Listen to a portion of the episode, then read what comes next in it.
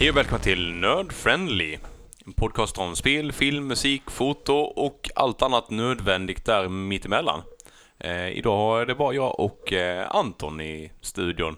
Hallå. Slash vardagsrum.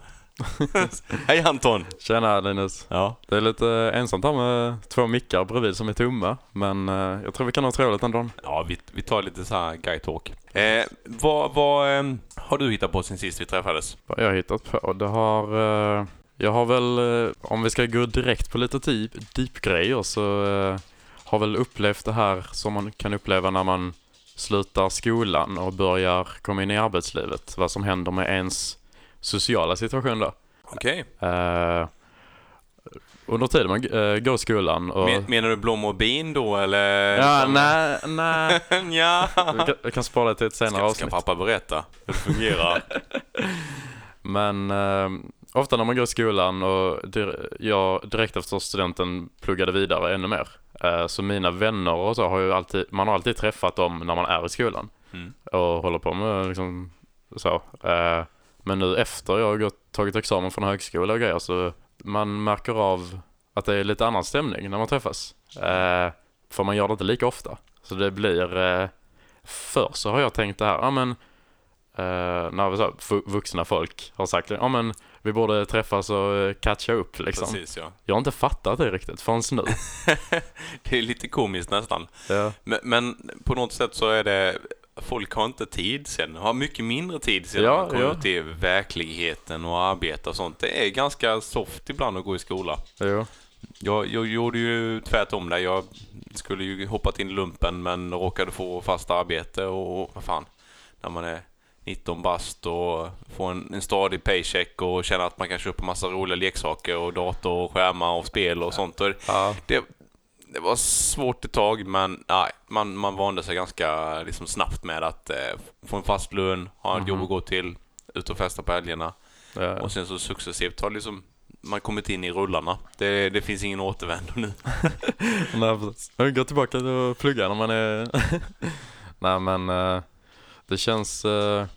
så, jag, jag tror det är väldigt viktigt att försöka etablera ändå, en, liksom så att spe- speciellt ens närmaste vänner, att man håller, Mm. håller den kontakten. eh, när man går separata vägar och försöker sk- skapa ett liv för sig själv. Nu har jag ju fortfarande väldigt många som har stannat kvar i den stan där vi pluggade, eh, Ja. här i Karlshamn. Så eh, det känns väldigt bra, så man har ju nära till folk. Mm. Men du tog examen i somras, eller vad var det? Ja, precis. Ja, Så eh, det var typ nio månader sedan. Ja. Och då, eh, hopp, eh, du berättade tidigare, du startade ju ett företag tillsammans med dina bästa kompisar och började syssla med film och fotoproduktion, reklam. Jo, synnerhet. precis. precis. Eh, så där hö- höll man ju kontakten eftersom så, ja, men man jobbar med sina bästa vänner. Mm. Det är rätt nice. Eh, Och, och, och nu när vi pratade lite om det tidigare, nu, nu när man kommer ut i verkligheten där och liksom inte har CSN att luta sig på utan Mm. man måste liksom jobba in pengarna och som eh, hårt arbetande en, entreprenör, hur skiljer det sig mot livet man hade förr? och ja, det är ju så. Man tog ju för givet att där kom in pengar varje månad. Mm. Eh, och det tror jag många Okej, det kan ändå lite svårare, men folk som är anställda på ställen och så. Ja. Vi var lite inne på det här vi pratade innan vi startade igång med, med vänskap. Man träffar liksom, förr när man gick i skola och sånt så var det oftast genom intressen man hade. Nu blir det mer och mer, när man kommer ut i arbetslivet så träffas man genom arbetet i huvudsak. Ja, jo, Eh, och sen då från, från vän till vän då i, när man kan gå ut och ta någon öl och träffa nya bekanta. Mm. Eh, men arbetsplatsen har ju blivit den här sociala Jo. platsen där man faktiskt har tid att umgås eh, jämfört med förr när man kanske, jag ser tillbaka till mina föräldrar när de var unga då, så var det idrottsföreningarna och fritidsaktiviteter och sport då som gjorde, och dans eh, som gjorde att man träffade andra människor och ute och umgicks men Mm. samma sociala arena finns ju inte riktigt längre nu är det mer Nej, s- det är inte, det är inte och lika arbete. många som Nej. är liksom så, ja men 20-30-åringar som håller på med aktiviteter känns som. Man hör inte lika mycket om det. Ja, man är, inte, man är inte ute på de platserna lika Nej. mycket som man kanske var förr i tiden. Men sen också blivit att jag tror att i, idag unga vuxna och småbarnsfamiljer, man, man ha, har mycket mer aktiviteter. Eh, jag är med i alldeles för många föreningar, men då får jag alltid höra att ni är ungdomar, ni liksom är så himla upptagna. Ja. Men det, jag får en känsla också om att vi gör ganska mycket mer också. Vi sätter betydligt större eh, värdet i vårt sociala nätverk, att Mm. träffa våra vänner. Vi kanske inte har samma vänner vi umgås med hela tiden, utan vi, vi försöker liksom behålla kontakten med de här man träffas genom skola eller arbete, fast det var Ja. flera år sedan. Och det, det tar energi, det tar tid. Eh, samtidigt som man vill ha sin egen tid och man ska ha gemensam tid och man ska ha familjetid. Ja, Så det blir mycket prioriteringar. jo. Men det känns, eh, jag håller med om det. Det känns som att man nu för tiden, man hela tiden vill utvecklas, lära sig nya grejer. Precis. Lite, nu vet jag ju inte hur det var liksom så här i 20-30 år sedan, men det känns inte som att det var lika mycket sånt då. Ma- Nu är det mer att man testar nya grejer känns Ja. som. Det var nog inte samma jakt på att, att utveckla sig själv utan snarare bara att man hade en bra arbetsplats Ja, och bra arbetskamrater. Idag vill man själv förverkliga sig mycket mera. Eh, men, men det är ju ett annat kanske mer filosofiskt ämne att gå in på då. Ja, ja men eh, jag vill stanna på det lite mer. Va, eh, för jag har hört väldigt många som säger, ja men jag vill ut och resa för att hitta mig själv. Mm. Hur, hur, har- vad har du för tolkning om det, hitta dig själv-grejen? Eh, Jag, jag, jag har ju varit den som alltid har jobbat och, och, och förutsatt liksom att jag har aldrig prioriterat resande förrän nu kanske senaste åren, men i den mån man har tid. Mm. Och, och framförallt råd för det, för det är ganska dyrt att resa. Eh, och, och jag vet ju många vänner man haft under åren som varit ute och rest för att finna sig själv och finna självförverkligande och sånt. Men jag har funnit det liksom i mig själv på, på den platsen jag har varit istället att verka. Mm. Ja, Eh, Jag tror personligen inte att man kan finna sig själv genom att fly ifrån det som är en själv. Sen kan man finna nya upplevelser och utveckla sig själv. mm. Men det är ju de sakerna man gör. Ja Och det, om du hade gjort det hemma på hemmaplan och hittat på saker, aktiverat dig någonstans i en förening eller träffat nya människor som kanske ger dig en inblick i livet eller du råkar ut för eh, trauma, dödsfall, kärlek. Det är de sakerna som utvecklar en. precis. Att ut och resa, vad du gör? Du ser mycket vackra saker, du ser mycket hemska saker. Mm. Eh, och när jag var yngre, det, det längsta jag reste det var ju typ Tyskland och Polen. Okej, Eh, ett par gånger med Röda Korset ner till Auschwitz-Birkenau, jaha. eh, koncentrationslägret då. Eh, och, och det var utvecklande för mig. Mm, Där fann jag en stor del till mig själv. Ja, ja. Och framförallt så eh, fann jag en inställning som jag haft med mig resten av livet då.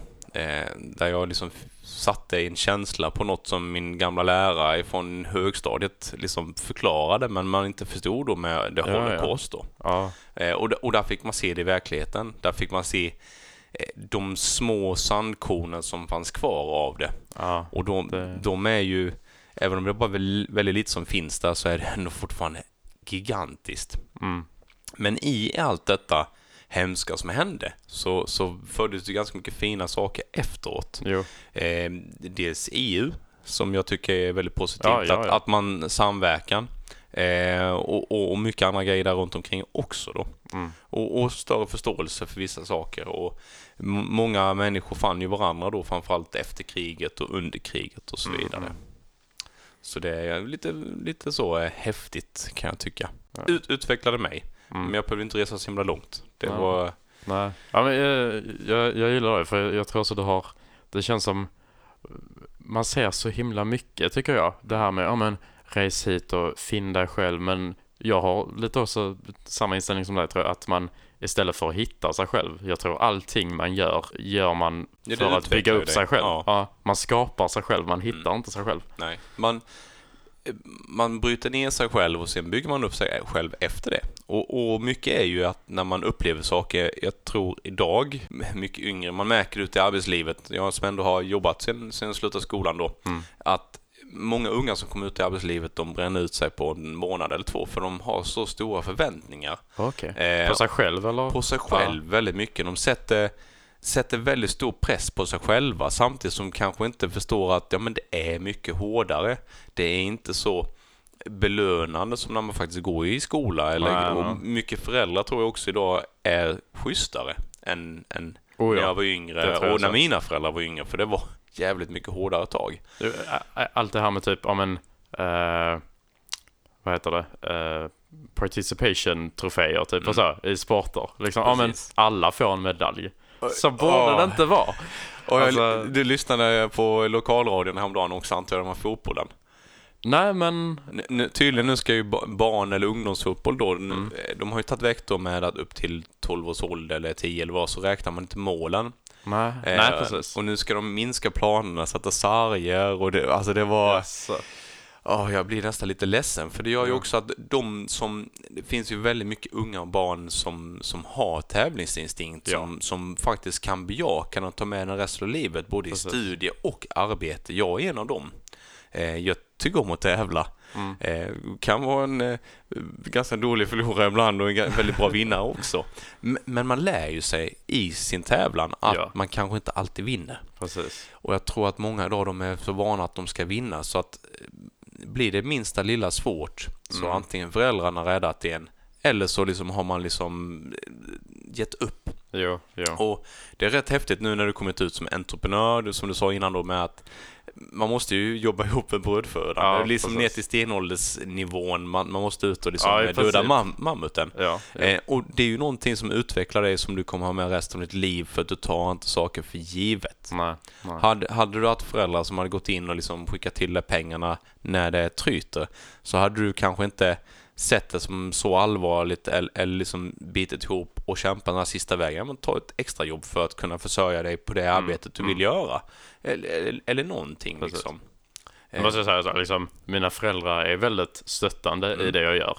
Så liksom, det är självklart att, ja men, eh, när de har varit och hälsat på mig, liksom, ja men vi fyller din frys, Ja. liksom, lite Men- sådana grejer. Men det är kärleksfullt, de menar, menar ju väl. Och, det- och de gör ju det alltid det på ett sätt som, liksom, jag inte får det så att jag tar det för givet. Mm. Liksom. Det är ju aldrig så att jag förväntar mig det. Liksom. Nej. Det skulle jag aldrig göra. Men, men det har ju mina föräldrar också varit ofta. Och jag tror det är ren omtanke. De har varit hälsat på dem pluggat. Mm. Liksom, de har tyckt att det, det har sett liksom rörigt ut eller något sånt. Men de, morsan plockar undan lite. Ja, ja, eller, och pappa, ah, får nog han tomt i kylen. Ja, men så är det att leva som student. ja, exakt, exakt. Det var eh, liksom Littells korv och, och makaron och ketchup man levde på i många år. Mm. Och det funkade. Det gör det. Alltså eh, så sett.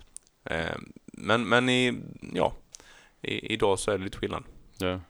De kanske har en eh, så här, lite längre sikt. Ja, men så här, jag är tekniskt sett nu multientreprenör. Det är Mm. lite konstigt att säga det, men eh, eftersom man eh, så bara, ja men om vi hjälper honom nu lite så kanske han blir så här stor så kan han tjäna pengar så kan han Ja, köpa ja, ja. fina grejer till oss. Precis. Så pappa brukar skämta om, ja men när du blir när ditt företag blir stort så köper du en fin BMW till mig och sådana grejer. Lite så. Det kanske ligger någon sanning i det. He- Helt dumt är det inte. Vi ser mycket curlingföräldrar som liksom pushar sina barn till att bli duktiga på idrott och sport för att det finns alldeles för mycket pengar att tjäna i det. Och det är ju inte riktigt rättvist mot barnen heller. Och det finns ju väldigt duktiga entreprenörer som lyckas. Eh, Framförallt här lokalt i södra Sverige har vi många framstående profiler. Jo. Men de har ju, de har ju jobbat för det. Ja. De har kämpat väldigt hårt och kommit till en nivå sen där de kan liksom ta det lite soft. De har folk som jobbar för dem. Ja, Men ja, och de har lärt sig liksom eh, vilka miner man går på och vilka miner man ska undvika. Liksom. Mm. Eh, och det är jätteintressant att se och, och, och höra om. Jag, jag tycker det är kul när det går bra för andra. Det är inget som man, man ska ta illa vid sig för. Nej, tycker inte jag heller. Mm. Det är liksom, jag, jag har alltid haft en sån inställning som jag vill jobba väldigt hårt. Mm. Och jag tror att jag kan göra det för att jag jobbar med mitt största intresse. Ja. Liksom media, film och foto. Jag tror om fler hade insett att de kan göra en karriär av sitt intresse kanske det hade tagit bort lite av den här utbrändheten. Ja, ab- absolut. För liksom jag, jag är liksom fysiskt trött är man ju efter en hel inspelningsdag i liksom en annan del av Sverige. Man kommer hem och man däckar direkt. Men jag är ju inte psykiskt trött överhuvudtaget. Jag är ju på, ja men morgonen efter, nu kör vi igen. Ja, men så är det. Jag, jag har ju eh, varit i olika karriärer. Det blir ju automatiskt och, och man, ekonomin svänger så man måste byta jobb emellanåt. Och Mhm. man kanske vill det med. Ja. Jag hade tur att få komma in och börja jobba inom Handels då för snart tio år sedan drygt. Eh, I en fotobutik i Göteborg och där jag lärde mig otroligt mycket. Hade en Mm. fantastisk eh, butikschef som liksom verkligen var mer som en mentor. Han, han kunde ge feedback och kritik på rätt sätt genom Ja. bara en blick. Eh, genom en komplimang eller ett leende. Det, det, det bästa man kunde förvänta sig det var liksom en, en klapp på, på ryggen så Ja, sa han ja. eh, bra gjort grabben.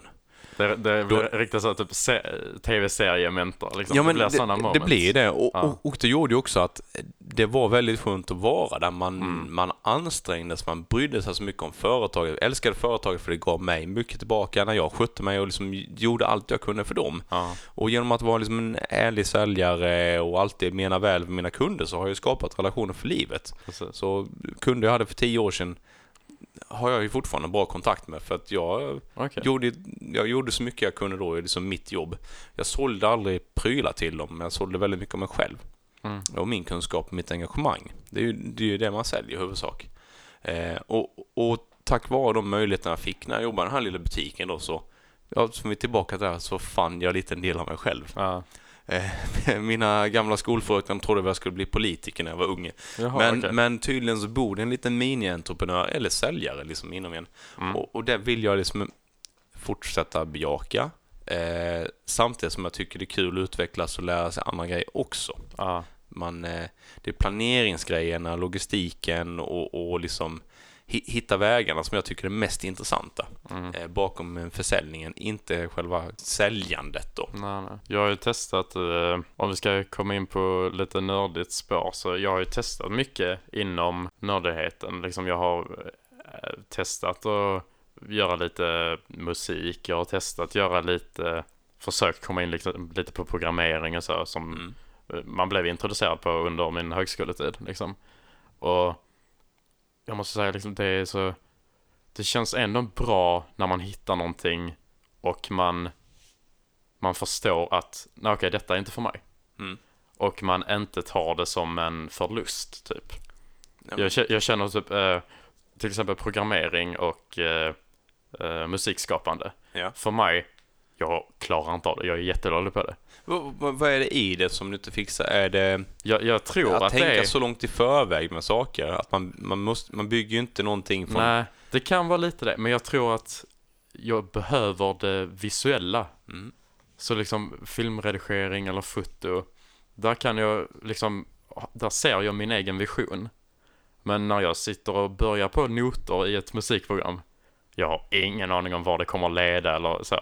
Det, kan, det är ju en del av ett skapande, men Mm. det är så, jag kan inte, jag får inte igång min hjärna Ja. på det typ. Du, du behöver se det lite grann framför dig. Ja, Ja. Ja, men det, vi, vi ser ju grejer på olika sätt. Eh, Mm. i- inom foto som jag har varit väldigt aktiv i många år och där jag också liksom tycker är väldigt kul just det skapandet och eh, jag har fastnat väldigt mycket med ljussättning och skuggpartier. Jag tycker det är Mm. helt underbart. Och, och någonstans är allt det här tekniska att lära sig hur man tar de bilderna och framförallt tekniken bakom alla de här roliga prylarna ja, ja. så förlorade jag lite grann det här ögat för fotografi som jag hade. För när jag började med någon foto så var jag bara entusiast. Jag visste inte Ah, riktigt vad jag okej, gjorde. Nej, nej. Jag, jag var inte skolad utan jag, man läste tidningar, man tittade på vad andra gjorde, man testade sig, framförallt testa, testa. Mm. Faila, faila, faila, faila, faila. Om igen och om igen. Och till slut så liksom lärde man sig sin utrustning Mm. och, och, och även då liksom människor. Hur, Ja. hur, hur rör sig människor? Man, jag kunde sitta och bara titta hur folk rörde sig för att veta vad, vad de skulle vara när jag skulle ta bilden. Ja, ja. Eh, fotade jättemycket motorsport och det var liksom under den här The Fast and Furious-eran. Oh, okej. Så man åkte ju runt liksom land och gick runt hela Skandinavien och fotade bilar och car babes. Mhm. Eh, så jag har haft lite bilder publicerade faktiskt i min ungdom. Skitkul. Ja, ja. Eh, och, och, och där kan jag känna ibland att det var lite synd att jag förlorade nästan min oskuld inom fotografin. För, för jag, jag kan inte ta de så bra bilder som jag kunde då. Men jag kan ta väldigt mycket mer tekniska bilder idag. Mm, okej. För, för förr hade man ett öga när man gick förbi och liksom såg någonting som bara wow, här finns det en bild. Det är Ja. bara att den gömmer sig liksom. Man såg en ram. Mm. Men idag så är det mer att jag tycker det är kul att skapa bilden. Ja, ja, att jag precis. bygger den för någonting, att man stagear saker. Och jag kan tänka mig lite grann att det blir samma inom dig. För du, du måste ju stagea allting. Du, du ska ju presentera någonting. Jo, det Eh. blir ju lite så. Men alltså, gear är ju kul. Det är ju skitkul. Det märkte man ju när vi satte ihop den här podcasten liksom. Ja men, vi börjar med, ja men okej, vad har folk för mickar? Ja men jag, jag har en halvbra mikrofon som vi Mm. kan spela in med. Satt vi i ett runt bord liksom där när vi skulle Precis. presentera det. Till att vi liksom, ja men, Ja men det känns bra, vi köper eh, lite armar, ja men vi köper lite mer riktiga mikrofoner. vi det testar blir så fram. mycket roligare då. Ja, men det blir det faktiskt. Så, och framförallt så, jag har ju i många år velat lära mig att, att redigera liksom film. För Mm. Jag har försökt ge mig in på det många, många gånger, men jag har aldrig lyckats för det har blivit så för komplicerat att jag har inte sett slutresultatet eller att jag Okej. fastnat vid de tekniska detaljerna, att jag måste ha vissa saker annars än innan jag gör det. Okej. Ja. Eh, men nu, nu sitter vi här, nu har man blivit tvingad lite grann att sätta sig in i eh, ljudredigeringen, Ja. i, i program som jag inte hade någon kunskap om tidigare. Eh, hur man pratar in i mikrofon, vilket jag inte heller kunde. Eh, och, och, successivt så blir det bättre och bättre. Och det är skitkul för att man får lära sig något nytt. Precis. Alltså, även gamla hundar kan lära sig sitta Ja, ja, och springa och hoppa och så vidare. det handlar egentligen bara om att våga. Eh, och, och, och jag hoppas ju att vi, vi fortsätter liksom att hitta både intressanta grejer och inter- saker som lyssnarna vill lyssna på. Mm. Eh, det här blir ett annorlunda avsnitt kanske idag, men eh, ja, ja kan, ni kanske gillar. Ni kanske sitter där och, och vill jaga den här drömmen att få göra någonting som ni brinner för Ja. jag har ju motsatt från Anton och ja, jag hoppade över många av mina drömmar för att ja, jag prioriterade jobb och inkomst och kanske liksom leksaker. Men idag skulle någon säga att har du chansen, gör det. Mm. Eh, kanske inte ut och, och resa för den sakens skull, men får du möjlighet att ta ett jobb utomlands eller på en annan ort eller Ja. hänga med en vän någonstans eller du blir förälskad och, och hon frågar liksom flytta med mig till Spanien. Chansa, passa på när du kan för att det kommer komma en tid där du inte kan bryta dig loss så pass mycket. Nej, nej. Eh, för det är att våga ta de här hoppen, oavsett om de är stora eller små, som kommer göra att du utvecklar dig och finna dig själv och, och göra dig till den du är, Precis. På, på gott och ont. Och, och se till att ha bra kontakt med dina vänner för att när du failar så är det rätt bra att ha dem till hands. Ja, jo. Det, vi kom in på, ja precis, det, falla tillbaka på vänner. Mm. Och att man verkligen ska hålla hårt i vänner även efter skolan. Då, då många kanske tappar kontakten. Jag tror att det känns verkligen som att eh, typ, ja men så här, sidoaktiviteter och intressen är en så viktig grej som många tappar. Det känns som väldigt många sitter hemma och bara liksom, ja men kollar Netflix eller sitter på YouTube. Att man lätt blir lite förslappad. Ja, om man inte liksom vågar sig ut lite. Eh, vilket är liksom, hey, vill du sitta och kolla Netflix hela dagarna, eller så här, från att du kommer hem till att du ska lägga dig, fine. Mm. Men jag är ju mycket mer social och vill ha, jag vill prata med folk. Mm. Liksom. Sen tror jag också det är att många av dem, idag är det så mycket eh, tack vare sociala medier att man, den bilden man visar av sig själv, det blir lite av en fasad så att man, man vågar inte bjuda in någon till sitt hem eller om man känner att det känns lite stökigt eller Ja, att man inte liksom har energi och vara liksom social.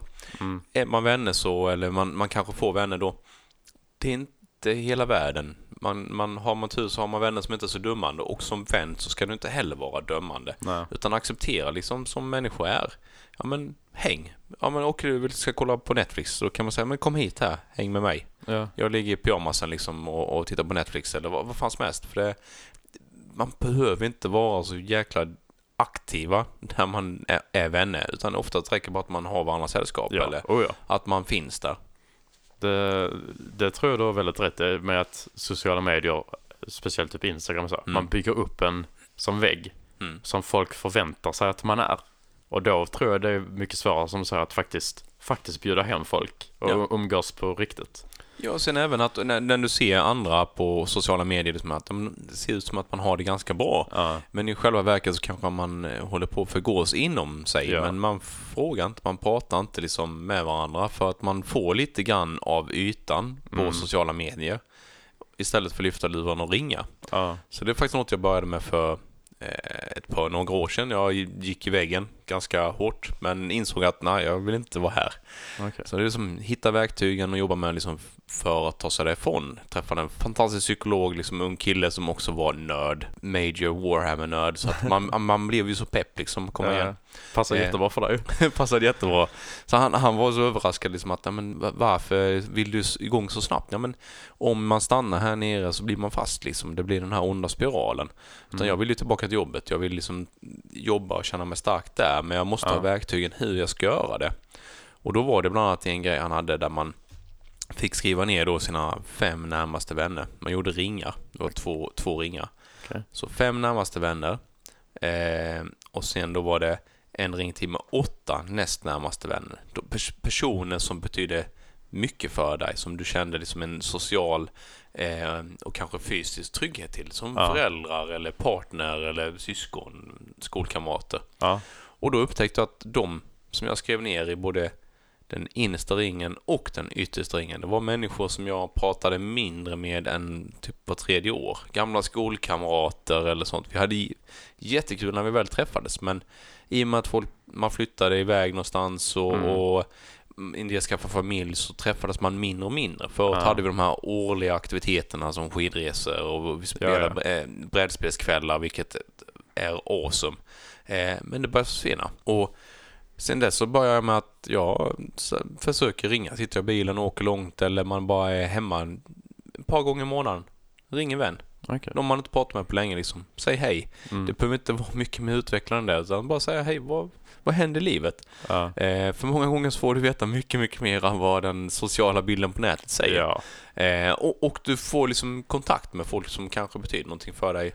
Eh, liksom bra kontakt och du kan ringa ofta om det är något du vill ventilera. Mm. Du, Det öppnar dörrar. man öppnar dörrar, ja. Man kanske öppnar dörrar både till eh, liksom vänskap, mer vänskap och andra vänskaper för man blir medbjuden till saker och Precis. även arbetsmöjligheter. Så karriärval liksom. Ja.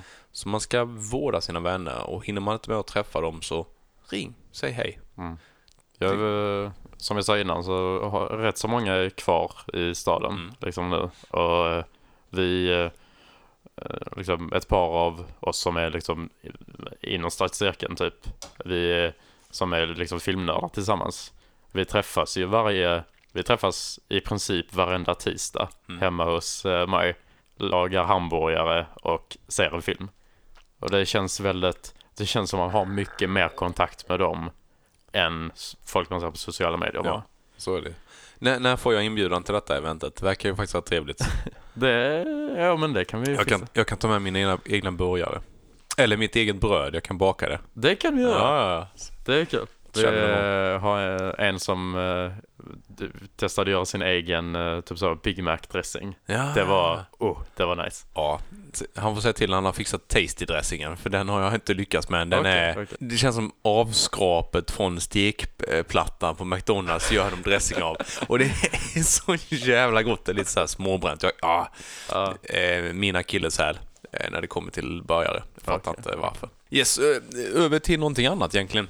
Jag vill ta upp en annan sak. Eh, Jag snubblade in på Netflix och såg en miniserie de lanserade bara häromdagen som heter Love, Death and Robot. Eh, Mhm. Och det är, det är ett, ett gäng avsnitt miniserie helt enkelt. Några är, ja de flesta är animerade. Eh, några ser ut som att de är filmade och animerade ovanpå och jag vet inte vad men en ma- massa olika filmtekniker. en massa olika Ja. filmtekniker, olika stilar eh, och de är runt 10 till 20 minuter långa. 60-20 minuter långa. Mhm. Eh, inte så PK-korrekta, så är man känslig ska man inte kolla på det. Okej. Det är en hel del naket, det är mycket blod, men det är så många andra fina stunder i de här serierna också, eller de här små avsnitten som jag bara blev helt slagen av. Så jag tänkte att jag skulle forska vidare på vilka som har gjort dem och eh, se vad mer de gör. Om det är liksom småstudios eller om det är Ja. på, vad heter det, examensprojekt eller vad de gör. Det är väldigt intressant om det är olika produktionsbolag eller om det är samma, tror du? Jag, jag får känslan om att i och med att det är så olika bildstilar Mm. eh, och olika tekniker så är det nog helt skilda produktionsbolag. Att det är typ de best off liksom någon, någon typ Ja, av ja. film, eh, filmfestival Ja, för animerad film. Fuck awesome. det Kolla ju, på det. det låt, alltså hela grejen med att sätta ihop eh, från olika Mm. studios som kanske aldrig hade fått en chans att visa saker på Netflix. Nej. Att då någon går och tar ihop den här serien är ju jättebra chans för folk att bli intresserade till nya grejer. Liksom. absolut. Och, och, och även, eh, vi, har inte, vi har inte diskuterat så mycket, tror jag inte i podden tidigare, med olika typer av filmer och filmtekniker så mycket. Vi, vi pratar mycket om de här stora Marvel, DC, Ja. som big eh, Hollywood budget movies. Precis. Men det finns ju så mycket annat. Det Ja. finns ju en väldigt stor animerad scen framförallt då. eh, animen i, i Asien. Men även eh, fransk anime och som, som jag tycker är skitbra också. Jo. Eh, och amerikanskt. Att de har olika färgkaraktärer, olika stilar och också olika sätt att berätta historierna. Mm. Eh, vissa är ju ganska extremt sex sexistiska. Eh, andra är liksom back to basic Disney, eh, moralhistoria. Ja. Och sen finns det de som är provokativa. Här är väldigt mycket provokativa. Någon är liksom lite moralhistoria.